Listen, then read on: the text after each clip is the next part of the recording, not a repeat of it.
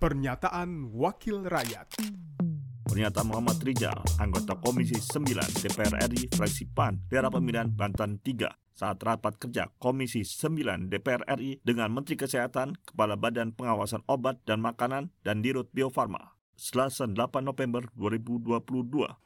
Banyak juga yang kita temui Pak Menteri. Ini saya ingin tahu sebenarnya keengganan masyarakat untuk tidak melakukan vaksin, kira-kira apa penyebabnya? Karena ini uh, di beberapa tempat ada juga yang mengatakan tidak mau vaksin. Walaupun ini cerita lama, tetapi uh, apakah memang ada gejala bahwa mereka ini sudah menganggap bahwa tidak ada lagi COVID yang berkembang. Sementara ini informasinya adalah COVID kita makin naik trennya. Pernyataan Muhammad Rijal, anggota Komisi 9 DPR RI fraksi PAN, daerah pemilihan Banten 3, Selasa 8 November 2022.